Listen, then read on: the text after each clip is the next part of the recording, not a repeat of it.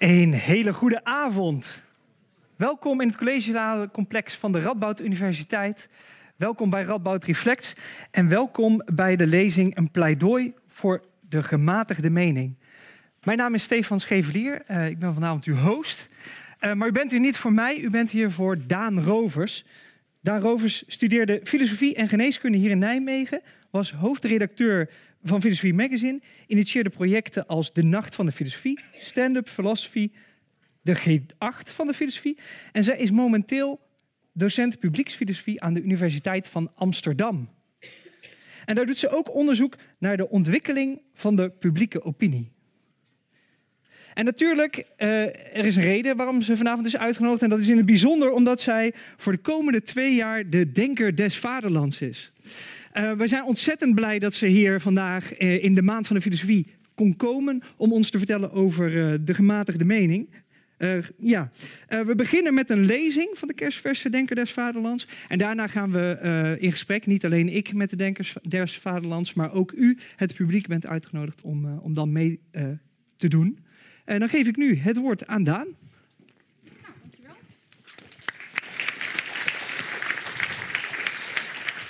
Dankjewel voor deze introductie. Dat heb je volgens mij uh, die informatie van mijn site gehaald. En volgens mij vrij recent. Want tot uh, ongeveer een maand geleden, ik zit mezelf te kijken, stond daar ook uh, op in dat rijtje van initieerde de nacht van de filosofie, de G8 van de filosofie, de denker des vaderlands stond daar nog tussen. Daar heb ik ook ooit mee bedacht. Maar dat heb ik er afgehaald, want dat vind ik nu zo gênant. Dat durf ik nu nergens meer te zeggen. En dat werkt dus, want het wordt ook niemand meer aan herinnerd. Maar nu heb ik het zelf verteld. Dat moet u maar even vergeten. Dat heb ik niet bedacht om het zelf ooit te worden, overigens. Maar gewoon om, nou daar zal ik zo iets over vertellen, om vanwege de ambitie die ik heb, heb met een heel aantal mensen om die filosofie, de schoonheid en de urgentie en de relevantie daarvan met zoveel mogelijk mensen uh, te delen.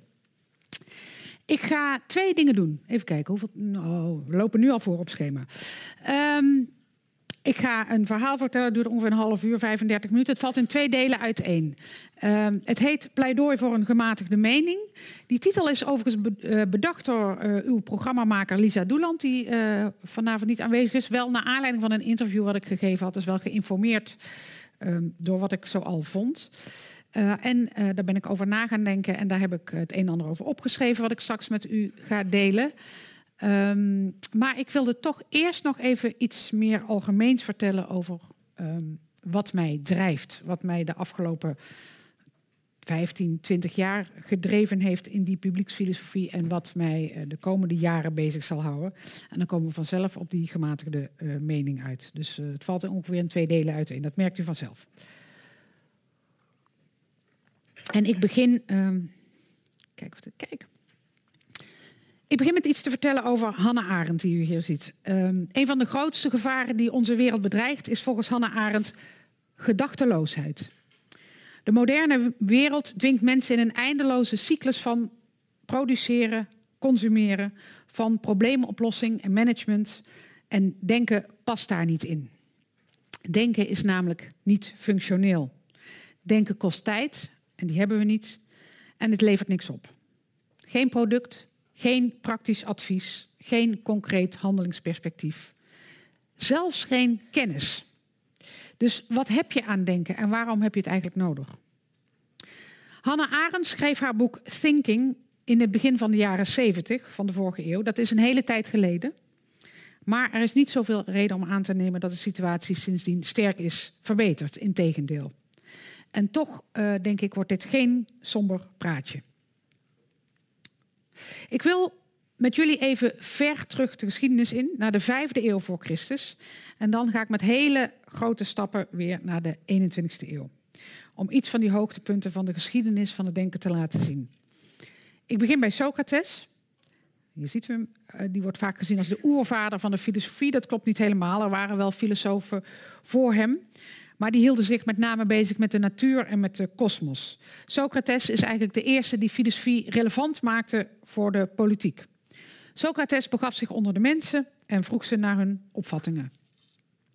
Bij Socrates komt de filosofie in actie, zou je kunnen zeggen. Dus hij brengt filosofie in verbinding met de samenleving en doet dat door middel van de dialoog, het zoekende vraaggesprek.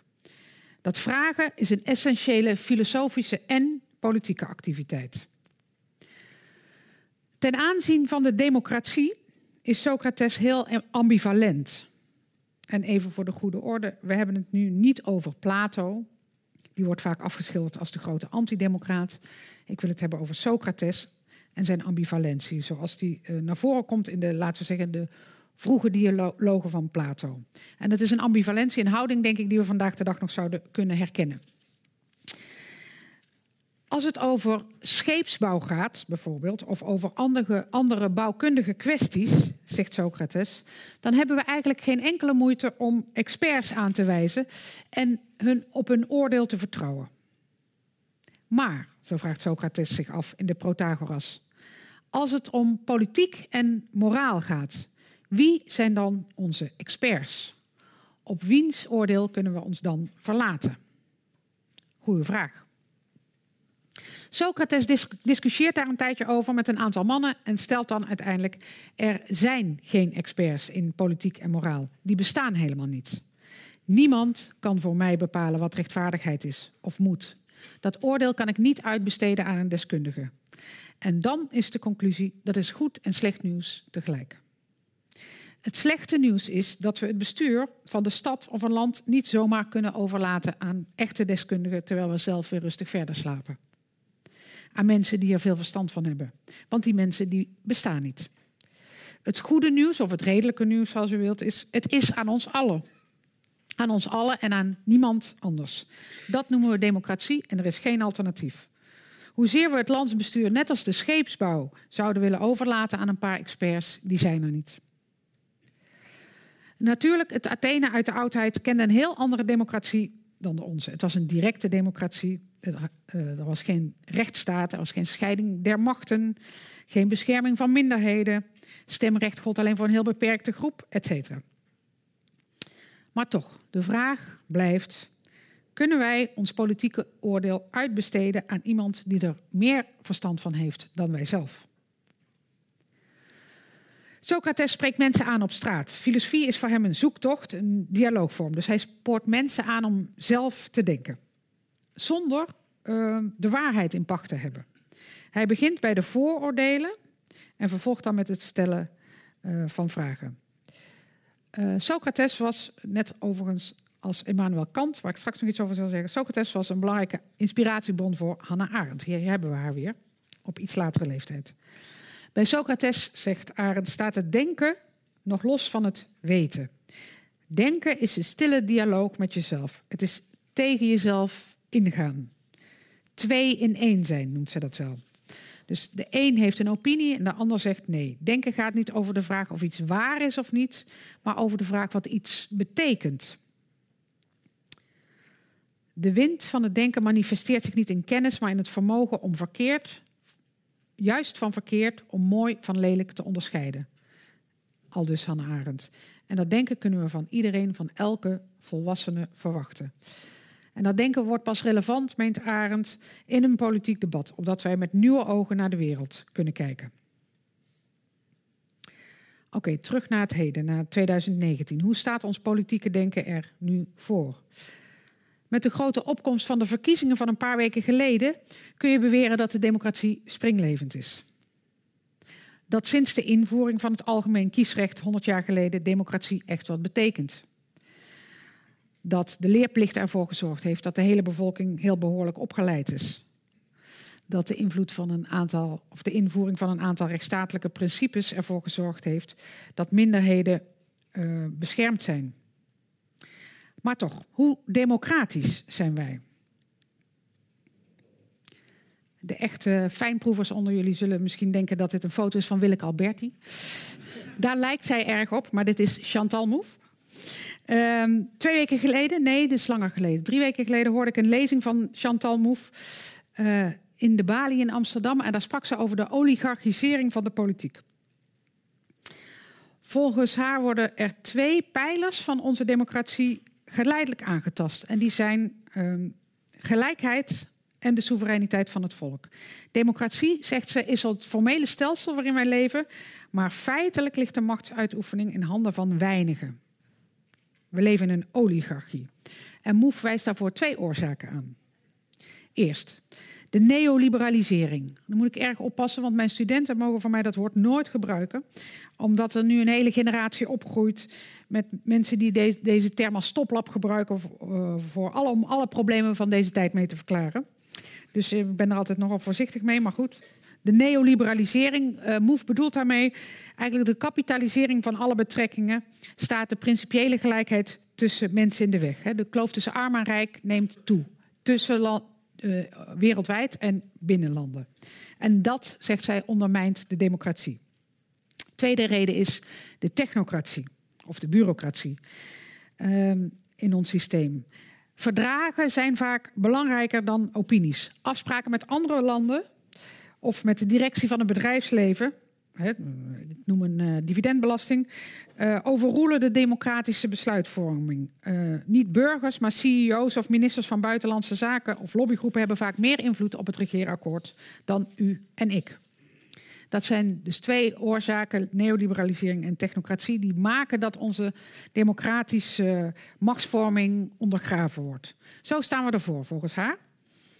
Ons democratisch huis is uitgewoond. En kijkend naar de verkiezingsuitslag van een paar weken geleden, denk ik dat ze een punt heeft. Populisme is, naar mijn idee, het verkeerde antwoord op een heel juist geformuleerd probleem: de oligarchie. Een juiste diagnose, de verkeerde therapie. Maar wat staat ons nu te doen?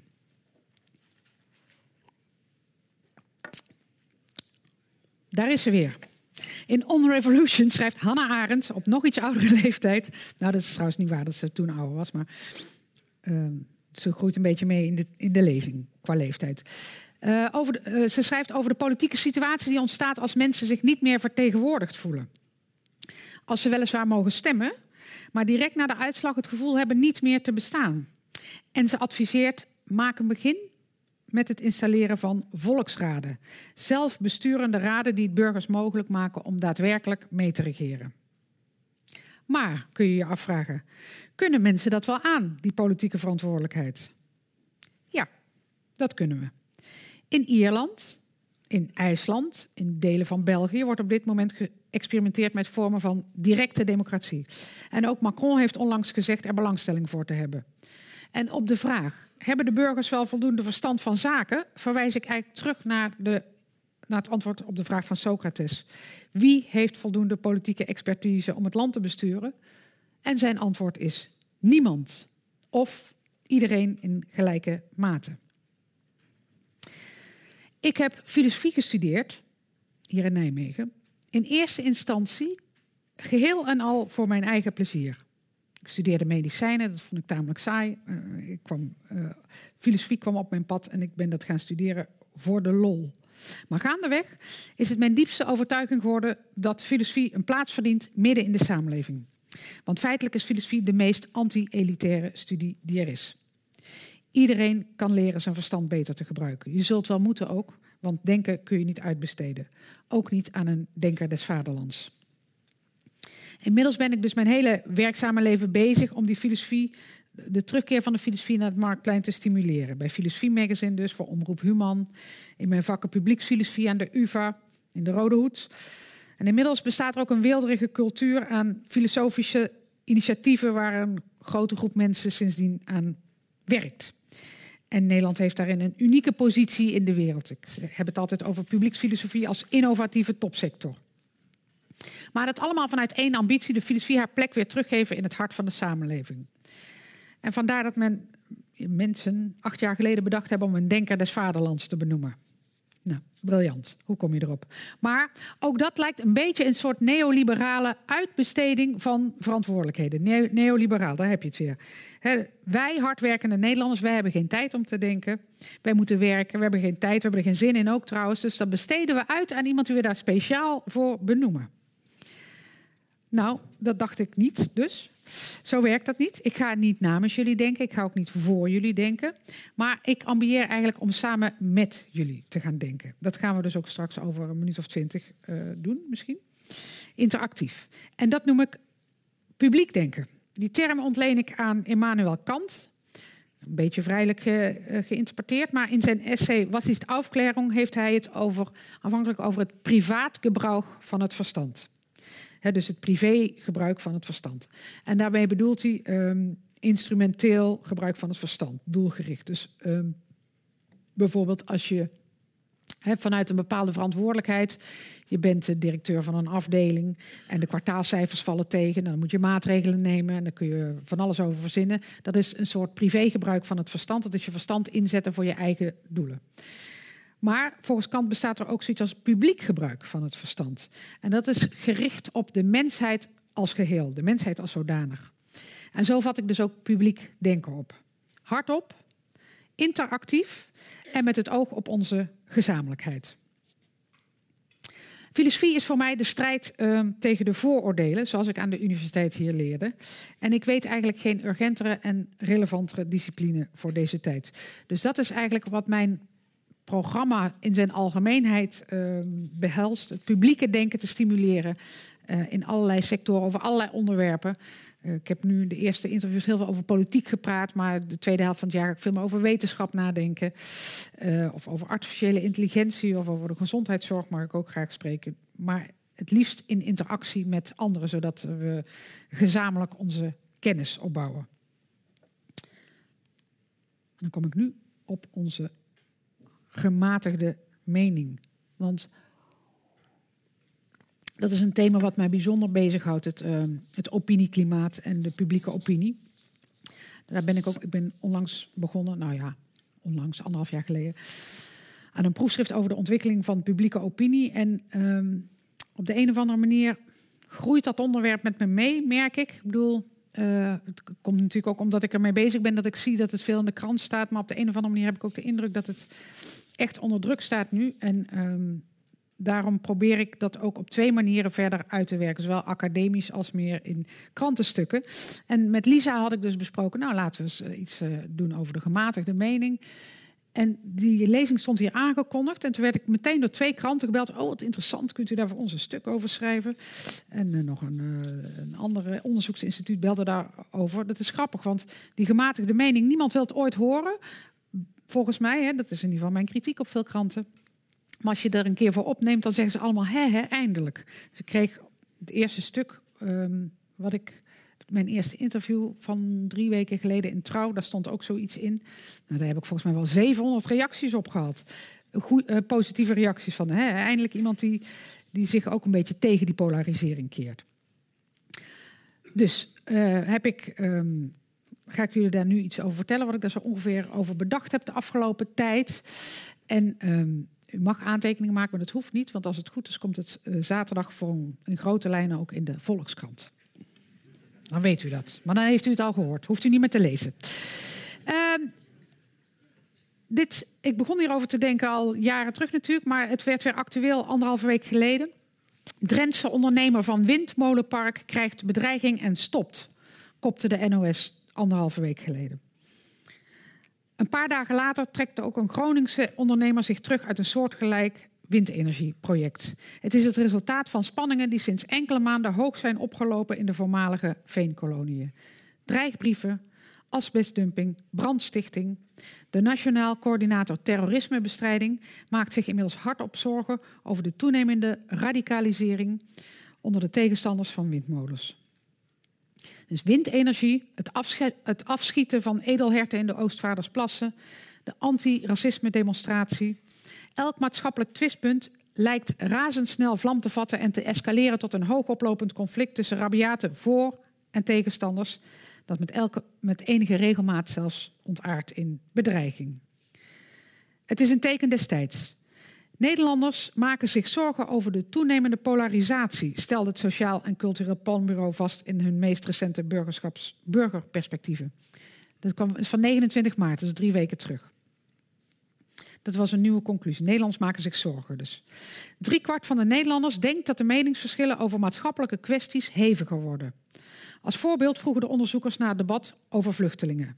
Bijna de helft van de ondervraagden ervaart een sterke druk om uitgesproken stelling te nemen voor of tegen en meent dat een middenpositie in dit debat nauwelijks mogelijk is. Dat is opvallend, omdat in een eerder onderzoek veel mensen uitgaven juist tussen die twee polen in te zitten. Die druk om jezelf te positioneren ondervinden mensen ook op andere terreinen. Met name over de multiculturele samenleving, migranten, Zwarte Piet of het klimaat is het moeilijk om genuanceerd te zijn. Maar ook over de gehaktbal, paaseieren, de scooter of over het feit of een omstreden spreker wel of niet op je event mag komen spreken, lijken de luidruchtige meningsverschillen toe te nemen. Je moet kleur bekennen en partij kiezen. Opiniedruk noem ik dat wel. En dat is een opmerkelijke wending in het opinieklimaat. Voor mijn promotieonderzoek naar de ontwikkeling van publieke opinie bestudeer ik, bestudeer ik veel filosofisch en sociologisch onderzoek van de afgelopen decennia. En daarin wordt publieke opinie vrijwel steeds gedefinieerd als de heersende mening. En de vraag die daarbij gesteld wordt is in hoeverre mensen zich vrij voelen om van die dominante opvatting af te wijken. Of mensen wel durven zeggen wat ze denken. Of dat ze er liever het zwijgen toe doen. Een van de standaardwerken op dit gebied heet niet voor niets The Spiral of Silence. De, de spiraal van de, van de zwijgende, van de stilte. Uit 1974. Publieke opinie is een disciplinerende, normaliserende kracht die ervoor kan zorgen dat meningen, vaak de meer extreme, ondergronds gaan. Liever dan voor hun opvattingen uit te komen, houden mensen dan hun mond. Je kunt maar beter niet zeggen wat je denkt. Maar hoe anders is het nu? Vooropgesteld, polarisatie kan ook heel productief zijn. Het kan nieuwe sociale energie vrijmaken en problemen luid en duidelijk agenderen. Elke emancipatie gaat gepaard met een zekere polariserende dynamiek. Maar op zeker moment helpt dieper ingraven het proces niet verder. Als benoemen het redelijke midden is tussen zwijgen en overschreeuwen, dan slaat de pendel de laatste jaren, naar mijn idee, zonder twijfel door naar dat laatste.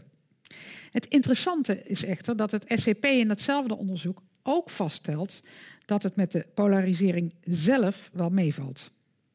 Weliswaar is de groep mensen die een diepe hekel, die een diepe hekel heeft aan anderen vanwege hun standpunten, dat is de werkdefinitie van affectieve polarisatie. Dus ik, heb een, ik haat andere mensen vanwege hun standpunten, die houding. Die groep is de laatste jaren iets gegroeid, maar in de jaren 70 was die kloof nog een stuk groter. Hoewel onderzoekers dus geen aanwijzing vinden dat het aantal mensen dat er zeer radicale opvattingen op nahoudt groeit in de laatste decennia, is de aandacht die deze mensen krijgen geëxplodeerd. Die Drentse bedreiger die was niet alleen regionaal nieuws, maar ook landelijk nieuws. En op het Binnenhof, waar ik stond toevallig die dag even rondliep, werd elke politicus die in de buurt kwam van de journalistenbalie gevraagd wat hij of zij hiervan vond. Ook Rutte besteedde er later die week aandacht aan in zijn persconferentie. Zonder de zaak te willen bagatelliseren, nogal een podium voor één ondernemer en één dreigbrief. Het probleem is dus niet zozeer die feitelijke polarisatie, als wel het gepolariseerde klimaat en de druk die daarvan uitgaat om positie te kiezen. Hoe zijn we hier gekomen? De respondenten in het Sociaal Cultureel Planbureau onderzoek zijn daar duidelijk over. Ze houden de media, met name de nieuwe, maar ook de traditionele hiervoor verantwoordelijk. Het verhaal is inmiddels overbekend. De social media, de echokamers van ons eigen gelijk, zorgen ervoor dat we ons vooral omringen met gelijkgestemden, zodat er maar moeizaam tegengeluiden in onze timeline binnendringen. En bovendien is het online en deels anonieme debat zo veilig dat je daar behoorlijk wat scherpe taal kunt, kunt permitteren zonder een blauw oog op te lopen. Combineer dat met de algoritmes die de veel gelezen en dus nogal gepeperde berichten meer promoten dan reguliere posts. Dus kwantiteit wordt eigenlijk een eigen kwaliteit. En zie daar de middelpuntvliedende krachten van het online discussiëren. Zelfs zonder polarisering te beogen, polariseert het debat al vanzelf. Doordat de polen, de beide polen, door die clickbait uh, meer aandacht krijgen en aangroeien. En de reguliere media dan. Ook daarvan denkt meer dan de helft van de mensen dat ze de tegenstellingen in de samenleving uitvergroten. Deze haken gretig in op wat er op social media gebeurt en doen daar dan weer verslag van. Uit angst om te missen wat er online leeft, zetten zij hun speciale social media redacteur in om te rapporteren over de relletjes waarover Twitter is ontploft. Een of andere seksistische opmerking van een voetbalcommentator of een video van een schoolpleinruzie. En zo doen de media verslag van een karikatuur van de werkelijkheid, van de excentrieke variant daarvan. Daar komt bij dat in de permanente overdrive, die sinds de Fortuinrevolutie de traditionele media in de greep heeft, een zekere populistische correctheid heerst. Elke mogelijke opleving van boosheid verdient een plek in de krant of op de zender. Het is natuurlijk altijd een beetje gemakzuchtig om over de media te spreken en vooral in beschuldigende zin. De media hebben het gedaan. Maar laat ik toch voorzichtig zeggen, erg veel interesse in de stem van het midden lijkt de media niet te hebben de laatste jaren. Liever een lekker scherp en polemisch debat dan een al te genuanceerde uitwisseling. Termen als good mensch of neofascist of diversiteitsdrammer komen ook in de reguliere en eh, kwaliteitskranten terug. Maar zolang de media denken dat ze het hele opiniespectrum, opiniespectrum coveren door met name de extreme aan het woord te laten, versterken ze eigenlijk hun eigen bijziendheid. Dus ik begrijp dat het leuk is voor de uitzending. Hè. Hier heb je A en hier heb je niet A. En uh, A, niet A, A, niet A. Maar dat, is, dat, dat knettert. Maar zelden schiet daar maar iemand iets mee op met zo'n zwart-wit beeld. Als het om het publieke debat gaat, is ons grootste probleem niet zozeer de overheersing van de ene klasse over de andere, de hardnekkigheid van antiwetenschappelijke sceptisch, racisme of homofobie, maar de overheersing van de extreme stem over de gematigde. Als de onderzoekers van het Sociaal Cultureel Planbureau gelijk hebben, en er, wel, en er weliswaar zorgen zijn over het gepolariseerde klimaat, maar dus die feitelijke polarisatie wel meevalt, wat is dan precies nog het probleem, kun je je afvragen. Ik zie er twee. Ten eerste, denk ik, lopen we een reëel gevaar dat een dergelijk klimaat een self-fulfilling prophecy wordt. Dus ondersteund door een gefragmenteerd, razendstel en sterk gecommercialiseerd landschap, medialandschap, is het niet gek om te veronderstellen dat de polarisering de wind in de zeilen heeft en dat nuance en reflectie het nakijken hebben. De krachten aan beide polen zullen steeds sterker trekken en de opiniedruk zal alleen maar toenemen. Een heel andere en niet minder zorgelijke ontwikkeling lijkt me dat de media en de politiek zich steeds verder van hun lezers en kiezers vervreemden. Dat ik en velen met mij mijn stem niet meer gerepresenteerd zie in een krant of in een publiek debat op tv of in de politiek. En dat de kloof tussen de journalistieke en politieke elite juist in een poging, dus de kloof tussen de elite, zowel journalistiek als politiek en de bevolking, in een poging die te verkleinen door de uitzonderlijke meningen allemaal op het podium te hijsen, juist vergroot wordt. Omdat het midden niet gehoord wordt. Het midden gaat ondergronds en de brutalen hebben de hele wereld weer voor zichzelf. Wel, er is ook veel geschreven over wat je zou kunnen doen aan polarisering. En een van mijn inspiratiebronnen daarbij is Cas Sunstein. Cass Sunstein is een Amerikaan, Harvard-hoogleraar. En uh, die biedt een paar um, handreikingen om naar polarisering te kijken en ook depolarisering te onderzoeken. En uh, een van de dingen is dat je in gesprek moet gaan met andersdenkenden. En het goede nieuws is dat nieuwe media natuurlijk allerlei kansen bieden om andersdenkende gesprekspartners op te zoeken en je sociale bubbel een beetje te, on, te ontstijgen.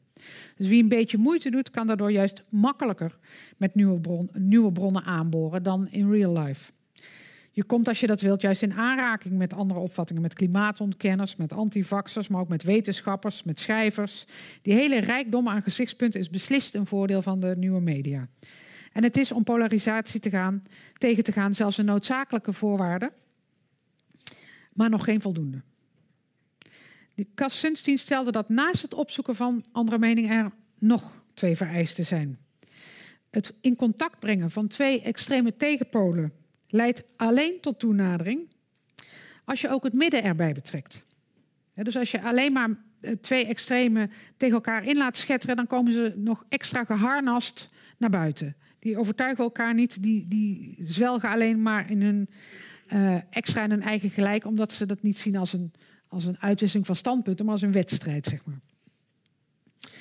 Dus je hebt het midden erbij nodig. Mensen die wel willen veranderen, maar misschien niet zo snel als zij die voorop lopen. Zonder de bemiddeling van de gematigde stem is de kans dat beide tegenpolen zich verder harnassen in hun eigen gelijk groot. Als de steun van de wat minder activistische, maar niet onverschillige meerderheid ontbreekt, kunnen we lang wachten tot kick-out Zwarte Piet de laatste blokkeervriezen heeft overtuigd. En daarbij, zegt Sunstein, zorg altijd voor een gezamenlijke context en gezamenlijke ervaringen. En dat is nou precies in een online discussie zo moeilijk. Gesprekken online zijn meestal vrijblijvend. Je logt uit en je bent er weer vanaf. Er is geen gezamenlijk probleem. Als er sprake is van onderlinge verbondenheid, is de kans veel groter dat verschillende polen bij elkaar komen. Lokale en provinciale politiek zijn hiervoor bij uitstek geschikt. Om even terug te komen op die windmolens. In Urk werden bewoners mede eigenaar van een windenergiepark en creëerden het delen in die financiële belangen, heel pragmatisch inderdaad, draagvlak voor milieumaatregelen. Daarover heb ik de minister-president dan nog niet gehoord. Nou, ik was hier zo over aan het denken en toen, um, heb ik met de, of toen kwam de krant en die zei: God, wat leuk, kun je het niet voor ons schrijven? Ja, oké. Dus ik had zo'n beetje een opzetje gemaakt. Vonden ze allemaal enige. Toen zeiden ze: Hoe lossen we dat op? Dat is altijd de vraag aan het denken des vaderlands: hoe lossen we dit op? Nou, dat weet ik niet, mensen. Ik ben al heel blij als ik iets intelligents kan bedenken over wat het probleem is. En los het zelf op. Maar goed, ik heb daar toch nog een paar alinea's aan gewijd. Um, en dan moet ik vanavond nog even afschrijven. Dus uh, er komt nog iets meer in de krant uh, aanstaande uh, zaterdag. Dus hoe lossen we dat op? Um, nou, een samenleving heeft naast politieke energie die vrijkomt door conflict en meningsverschil ook een zeker pragmatisme nodig om vitaal te blijven. Pragmatisme dus en zonder het midden gaat het niet. En nu elk platform, zowel serieus journalistiek als pulpplatform, vanwege de onder druk staande verdienmodellen, de hete adem van de clickbait in zijn nek voelt en lezers moet verleiden, lijkt het vertolken van de gematigde stemmen geen aanlokkelijke optie voor ze. Maar waarom eigenlijk niet? Want ze zijn met heel velen die gematigden, al dus het SCP. Gevraagd naar hoe dit moet, heb ik geen sluitend antwoord. Maar misschien zouden we een voorbeeld kunnen nemen aan een ander succesvol genre uh, uit Amerika, de podcast. En dan met name de podcast This American Life. Ik weet niet of iemand van jullie die kent. Um, dat is een, een, podcast waar miljoenen luisteraars naar luisteren. En die zijn allemaal geïnteresseerd in gewone en buitengewone verhalen over alledaagse levens. De formule is daar Iedereen heeft een verhaal. Het is een kwestie van goed vertellen. En daarvan zou ik wel graag een, over na willen denken of je daar niet een politiek-journalistieke non-fictievertaling van zou kunnen maken. Hè? Dus iedereen heeft een opinie die de moeite waard is. De uitdaging is om deze goed te vertolken. En ik heb om, om daar inspiratie voor op te doen vandaag naar een lezing geluisterd van. Uh, Glass, Ira Glass heet die man geloof ik, de, de oprichter en de maker van dat uh, programma This American Life. En die heeft een jaar geleden een, een lezing gehouden aan de School van Journalistiek, waar voor honderden studenten die daar afstudeerden. En die vertelde eh, die studenten wat het geheim was van, van dat programma. Waarom dat zo goed was. En nou, het uitgangspunt is dus, uh, iedereen heeft een verhaal. Hij zei, ik was eigenlijk een hele slechte journalist, omdat ik alleen maar geïnteresseerd was in gewone mensen en niet in ongewone mensen. Dat was zijn eerste, uh, het eerste element van zijn nieuwe succes, zeg maar. De nieuwsgierigheid naar, naar, het, naar het min of meer gewone. En het tweede was, hij zei, ik ben eigenlijk een hele goede redacteur, een editor. Dus ik ben niet zozeer een journalist die snelle quotejes gaat halen, maar ik weet net zo lang te researchen en te zeuren en vragen te stellen en te duwen en nog eens een keer opnieuw te vragen tot ik krijg wat ik in mijn hoofd heb. Dus niet wat zich zomaar aandient. Ik vind, ik vind nooit iets. Ik ben eindeloos aan het knippen en plakken en researchen en creëren. En um, precies dat werk, dat zou misschien nou eens interessant zijn om dat niet alleen in de fictie te stoppen, in de verhalenvertellerij, maar ook in de non-fictie. Dus dat je niet zomaar uh, wat quotejes gaat halen, of wat, uh, dus zo, zoals dat heet uh, in de journalistiek. Dus op straat aan mensen vragen: wat vindt u ervan? Vindt niks? Oké, niks. Schrijf op niks. of vindt u het leuk? Of vindt het leuk? Maar dat je meer na gaat denken over opinievorming. Dus niet alleen dat onze journalistieke cultuur niet alleen bestaat uit meningsuiting, maar mijn ambitie is het om meer bij te gaan dragen aan meningsvorming. Dus bijvoorbeeld, laten we het voorbeeld nemen van de verkiezingen. De dag daarna blijkt dat uh, uh, een nieuwe partij uh, ter rechterzijde van het spectrum enorm gewonnen heeft. Nou, daar kun je van alles van vinden. Bijvoorbeeld verschrikkelijk of bijvoorbeeld fantastisch. Vind ik allebei niet zo interessant. Wat ik veel interessanter vind is um, waarom mensen dat vinden. Waar ze die opvatting vandaan halen. Of die consistent is met andere dingen die ze vinden. Hoe ze daar zelf in staan. Ik bedoel, um, alleen maar ba of hoera roepen vind ik eigenlijk voor een publiek debat een beetje te weinig. Dus mijn oproep aan de krant, in de krant, aan de krant vrij, uh, zaterdag zal zijn om hun energie daarin te steken. Aan meningsvorming in plaats van meningsuiting. Dat lijkt mij in ieder geval een mogelijk antwoord op de meest op de zorgen uit het meest recente ehm, SCP-rapport. Beste krantenredacties, zeg programmamakers en journalisten, geven ze ook wat vaker het woord en besteed eens wat meer aandacht aan de gematigde stem. Namens het overgrote deel van Nederland hartelijk dank daarvoor. Daar wou ik het even bij laten.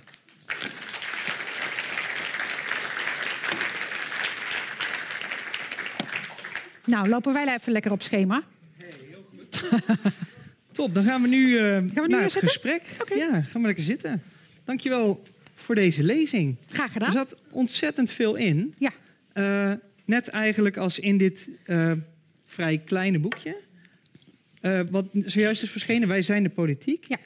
Um, daar staat ook een vergelijkbaar pleidooi in voor, in ieder geval voor publiek denken, maar ja. ook voor, het, voor luisteren naar het, naar het midden en ook voor verschillende democratische experimenten die al voorbij kwamen in je verhaal. Ja. Um, ik heb verschillende vragen, maar de vraag waarmee ik eigenlijk wil beginnen um, sluit aan bij het, bij het einde van je, van je verhaal. En die gaat over dat gematigde midden, of de gematigde mening. Ik zat me voor te bereiden op dit, deze lezing. En toen zat ik te denken, waar val ik in dat verhaal? Ben ik, heb ik een extreme me mening? Heb ik een gematigde mening? En toen kwam ik er eigenlijk niet uit. Ik kon mijn vinger er niet op leggen wat die gematigde mening nou precies is. Hoe moeten we dat, hoe moeten we, wat, wat is een gematigde mening? Nou, en, daar bedoel ik eigenlijk vooral mee de mensen die niet extreem aan de ene kant of extreem aan de andere kant staan.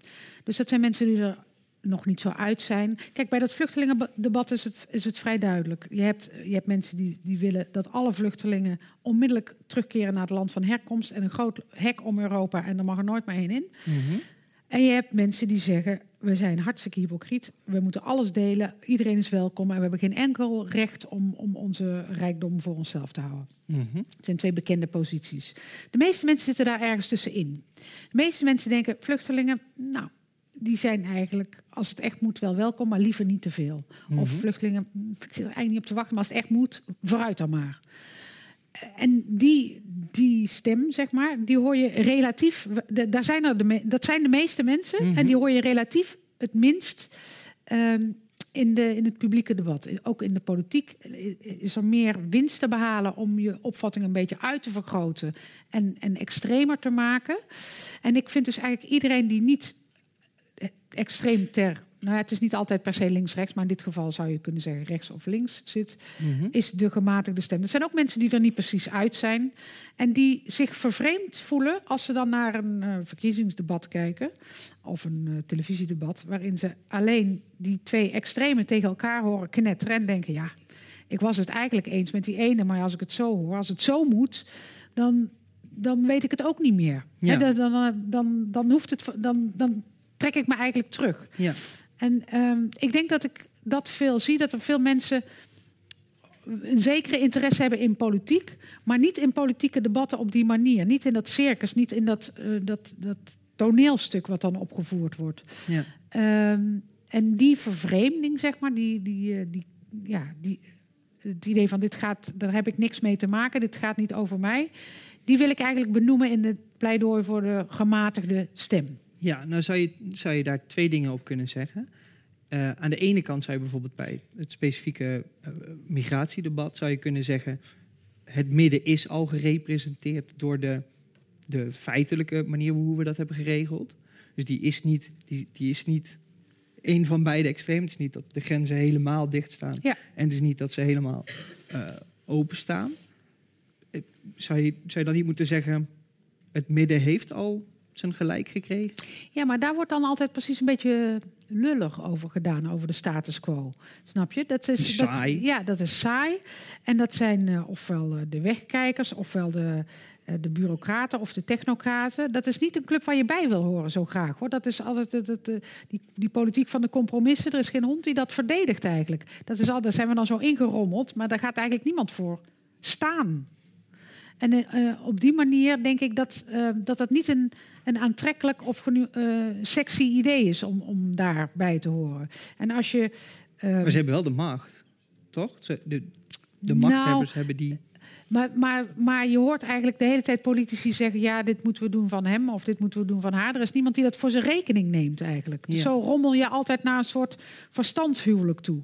Ja. Zonder, zonder dat nou eh, te benoemen als dat dat ook een daadwerkelijke positie zou kunnen zijn. En als je ehm, wel eens eh, praat met journalisten of met redacties of met programmamakers, dat doe ik wel eens, dan vragen ze van, nou, wat vind jij daarvan? En dan, als je dan iets te veel aarzelt of als je dan zegt, ik vind dit een goed idee, maar ik heb wel twee bedenkingen, zeggen ze, nee, dat is te genuanceerd, dan zoeken we even verder.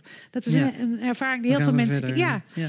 dus ze ze zoeken gewoon mensen die zijn voor de afschaffing van prostitutie. Of mensen die zijn voor de voorstander zijn van de prostitutie en geen enkel probleem zien. Maar als je zegt, nou, onder bepaalde voorwaarden kan ik me voorstellen, nou, dan, dan tuut, tuut, tuut. Ja, ja, ja, ja. Hoef ze niet meer verder te eh, praten. En dat, kan, dat gaat over elk onderwerp zo. Ja. Oostvaardersplassen, precies zo. Je bent voor of tegen het afschieten. Dat je ook zou kunnen zeggen, nou ja, in dit- nu die ecologische hoofdstructuur is afgesloten, is misschien een goed idee, maar misschien veel te lange zin. Ja. Ik maak hem niet eens af. Maar er zijn omstandigheden waarin het beter is om het niet te doen. Ja, ik zat nog te denken, want je, je wekt het zelf, of je wekt die vraag op, bij mij al op door weer over andere thema's te beginnen. Eh, je zou ook kunnen zeggen, ik ben in de ene, het ene debat Ja. neem ik een extreme positie in. En in het andere debat Ja. heb ik juist een gematigde positie. Maar wat ik eigenlijk zou willen doen, of wat ik ambieer, is ehm, hardop denken, noem ik dat dan. Hè? Ja. Dus m- mensen bevragen op wat ze vinden en waarom ze dat vinden. En ook helpen, ja, niet zozeer dat ik ze help, maar in een gesprek eh, kun je elkaar helpen om erachter te komen wat je opvattingen precies zijn. Kijk, ik, ik noem Fidesz de strijd tegen de vooroordelen, omdat ik denk dat je vrij gemakkelijk ehm, een oordeel hebt over iets. Maar heb je daar wel, ehm, maar klopt dat oordeel wel? Kun je dat niet ook eens vanuit een ander gezichtspunt bekijken? En blijf je daar dan bij staan? Er zijn heel veel ehm, opvattingen die toch nader onderzoek waard zijn en waarvan je dan kan denken, nou, misschien zit het toch net even anders eigenlijk. Daar wil ik mensen vooral toe uitdagen. Het kan me niet zo, mensen hoeven voor mij helemaal niet gematigd te zijn. Het is niet Mhm. zo dat ik bepleit dat mensen heel, hele matige eh, gemiddelde opvattingen moeten hebben of het politieke midden moeten zitten. Maar ik vind dat eh, het representeren van de twee uiteinden alleen onrecht doet aan de samenleving zoals die is en vervreemding creëert. Ja. Ehm, ik zat dan ook te denken, waar, waar, waar test je die, eh, die meningen dan eigenlijk het meest? Hè? Wanneer word je als burger nou echt gevraagd, wat is jouw mening? Dan zou je aan de ene kant kunnen zeggen, ehm, dat is in de politiek. Of dat, zijn, dat is met name dan ook in verkiezingstijd. Ja. Ehm, jij zegt, ik wil eigenlijk mensen bevragen. ehm, eh, wat is je mening om ze daarmee verder te helpen om na te denken over die mening? Maar zijn verkiezingen niet eigenlijk op dezelfde manier als een soort van prikkel om na te denken wat positie, hun posities nou eigenlijk zijn? Zeker, maar die zijn maar heel af en toe. Hè? Mhm. Nou ja, dan valt er nog wel eens een kabinet in Nederland. Maar in principe is het maar eens in de vier jaar. En dan heb je dan nog een paar andere verkiezingen. Maar nu hebben we er in een kwartaal twee. Maar dan daarna, als het goed is, heeft hij twee, drie jaar niks meer te kiezen in dat opzicht. En dan zul je die politici ook wel minder zien. Ehm, zegt, ik denk dat dat systeem wel, doen, wel. Nee, dat vind ik niet. vaker die prikkel Ook niet. Want ik denk, ehm, voor mij is een heel belangrijke denker Walter Lippmann. Mhm. Dat is, een, dat is niet echt een filosoof, dat is een politiek journalist uit het begin van de 20e eeuw, dus tussen de twee wereldoorlogen in. Die heeft het boek geschreven On Public Opinion. En eh, dat gaat over de ontwikkeling van publieke opinie in die tijd. En dat was natuurlijk reuze interessant in de jaren twintig in de Verenigde Staten... met eh, opkomende autoritaire regimes in, eh, in Europa... en de financiële crisis en van alles en nog wat. Ehm, en die was bezig eigenlijk met de vraag die mij ook bezighoudt... hoe houdt de politieke machtsvorming verband met de publieke opinie? En wat moeten mensen weten om hun opinie te, te vormen? Dus kunnen mensen wel eh, opinies hebben over die hele specialistische onderwerpen van financiën, economie, eh, buitenlandse oorlogsvoering? Lipman was daar heel sceptisch over. Ik ben niet zo optimistischer. We hebben ook iets meer mogelijkheden om aan kennis te komen, denk ik, door de digitale eh, technologie. Maar Lipman dacht: luister, ik ben zelf een journalist. Ik heb heel veel kennissen, contacten en, en mogelijkheden. En zelfs ik ben niet in staat om alle onderwerpen die je van politiek zou weten, om daar me genoeg in te verdiepen om echt een oordeel te vormen. Dus hoe, hoe, hoe moet dat? Hoe, hoe geloofwaardig is een democratie als de mensen niet eens de middelen en de kennis hebben om, om zich te informeren? Goede vraag. Nou, Lipman had daar, heeft daar wel een oplossing voor verzonnen. Die, die had het over organized intelligence. Een soort, ja, een soort politieke voorlichtingsinstituten, zeg maar, die keuzes voorsorteren voor burgers. Want hij dacht, ja, je kunt, hè, dus je moet dan, uh, laten we zeggen, uh, eh, RIVM en dat soort instituten, wetenschapsvoorlichters, persvoorlichters, die, die de zaak een beetje behapbaarder maken voor de mensen, zodat ze duidelijk kunnen kiezen. Nou, ik denk niet dat dat die zo'n, het creëren van zo'n tussenlaag een goed idee is voor onze samenleving. Wij vertrouwen politici al amper, laat staan als ze er een, een laag persvoorlichters tussen schuiven. Mm Dat lijkt me niet zo'n goed idee. Niettemin had hij een goede vraag. Hij zei, die democratie van ons is uitgevonden in de Franse in de 18e eeuw. Dat was een, een, democratie waarin politici met elkaar discussieerden over, over zaken. En daar hadden ze dan allemaal verstand van. Maar nu discussiëren ze niet met elkaar, maar nu discussiëren ze met Eva Jinek voor allemaal camera's. En dat is een heel ander podium met heel andere publiek en heel andere verwachtingen. Dus hoe moeten we die, die verhouding tussen politiek en burger dan um, mediëren? En ik heb een heel lang antwoord, maar ik ging ergens naartoe. Wat was je vraag ook weer? ik ging het hebben over Lipman en die publieke opinie. En er, komt een ja, of, of eh, volgens mij was mijn oh, ja, verkiezingen. Vraag, verkiezingen zijn die niet al een soort van Toen prikkel om na te denken over een heleboel zaken in de maatschappij. Dus Lipman die zei, die verkiezingen die, die werken niet zo goed, omdat de kloof tussen wat die politici weten en wat de burgers weten te groot is. En het is een heel gek idee om als iets niet goed werkt, verkiezingen, om het dan nog vaker te doen. Dat vond ik zo'n grappige opmerking van hem. Dus je bent ontevreden over het instrument verkiezingen en wat doe je dan? Dan hou je ze nog iets vaker. Dat is een paard achter de wagen spannen. Dus referenda en zo, dat is denk ik het paard achter de wagen spannen. Het enige wat je kunt doen is zorgen voor betere voorlichting en, en opleiding van de bevolking. En onderwijs, onderwijs, onderwijs. Dat zeggen al die lui ook wel.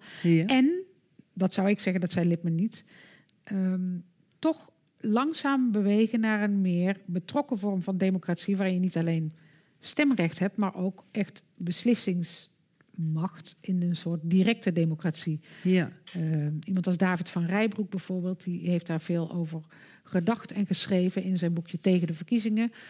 Uh, die haalt het ook aan.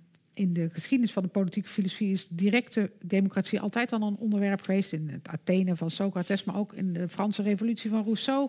Waren er ook al onderwerpen waarvan men dacht, die kunnen heel goed um, uitgediscussieerd worden door een groep burgers. En die burgers die laten we ze niet vrijwillig aanmelden, die gaan we loten. Hè? Dus zoals een soort juryrechtspraak. Je wordt gewoon aangewezen door het lot. En dat betekent dat uh, de vertegenwoordiging wat beter geregeld is. Dat, dat er evenveel hoog als laag opgeleide uh, vertegenwoordigers... of dat dat een afspiegeling is van de bevolking. Uh, zwart en wit, man en vrouw, dat is allemaal door, door een soort loting automatisch geregeld. Als je nu in de Tweede Kamer kijkt, daar heeft iedereen een academische opleiding. Dat is helemaal geen afspiegeling van de bevolking bijvoorbeeld. Dus door bepaalde onderwerpen ehm, apart te nemen... en die in een direct democratisch debat te beslissen... Um, denkt iemand als David van Rijbroek, maar dat dacht ook Rousseau al, mhm. dat je de democratie op een andere manier zou kunnen legitimeren en revitaliseren. En ik noemde net het voorbeeld van Ierland in mijn, uh, in mijn lezing. In Ierland hebben ze dat vorig jaar geprobeerd, of geprobeerd en succesvol gedaan. Ierland is een heel zwaar katholiek land, zoals u weet. En daar hebben ze uh, de allerstrengste abortuswetgeving van West-Europa. En er werd tijd om daar eens iets aan te veranderen, maar men wist niet zo goed wat. En toen heeft men dus eh, 100 burgers uh, willekeurig gelood.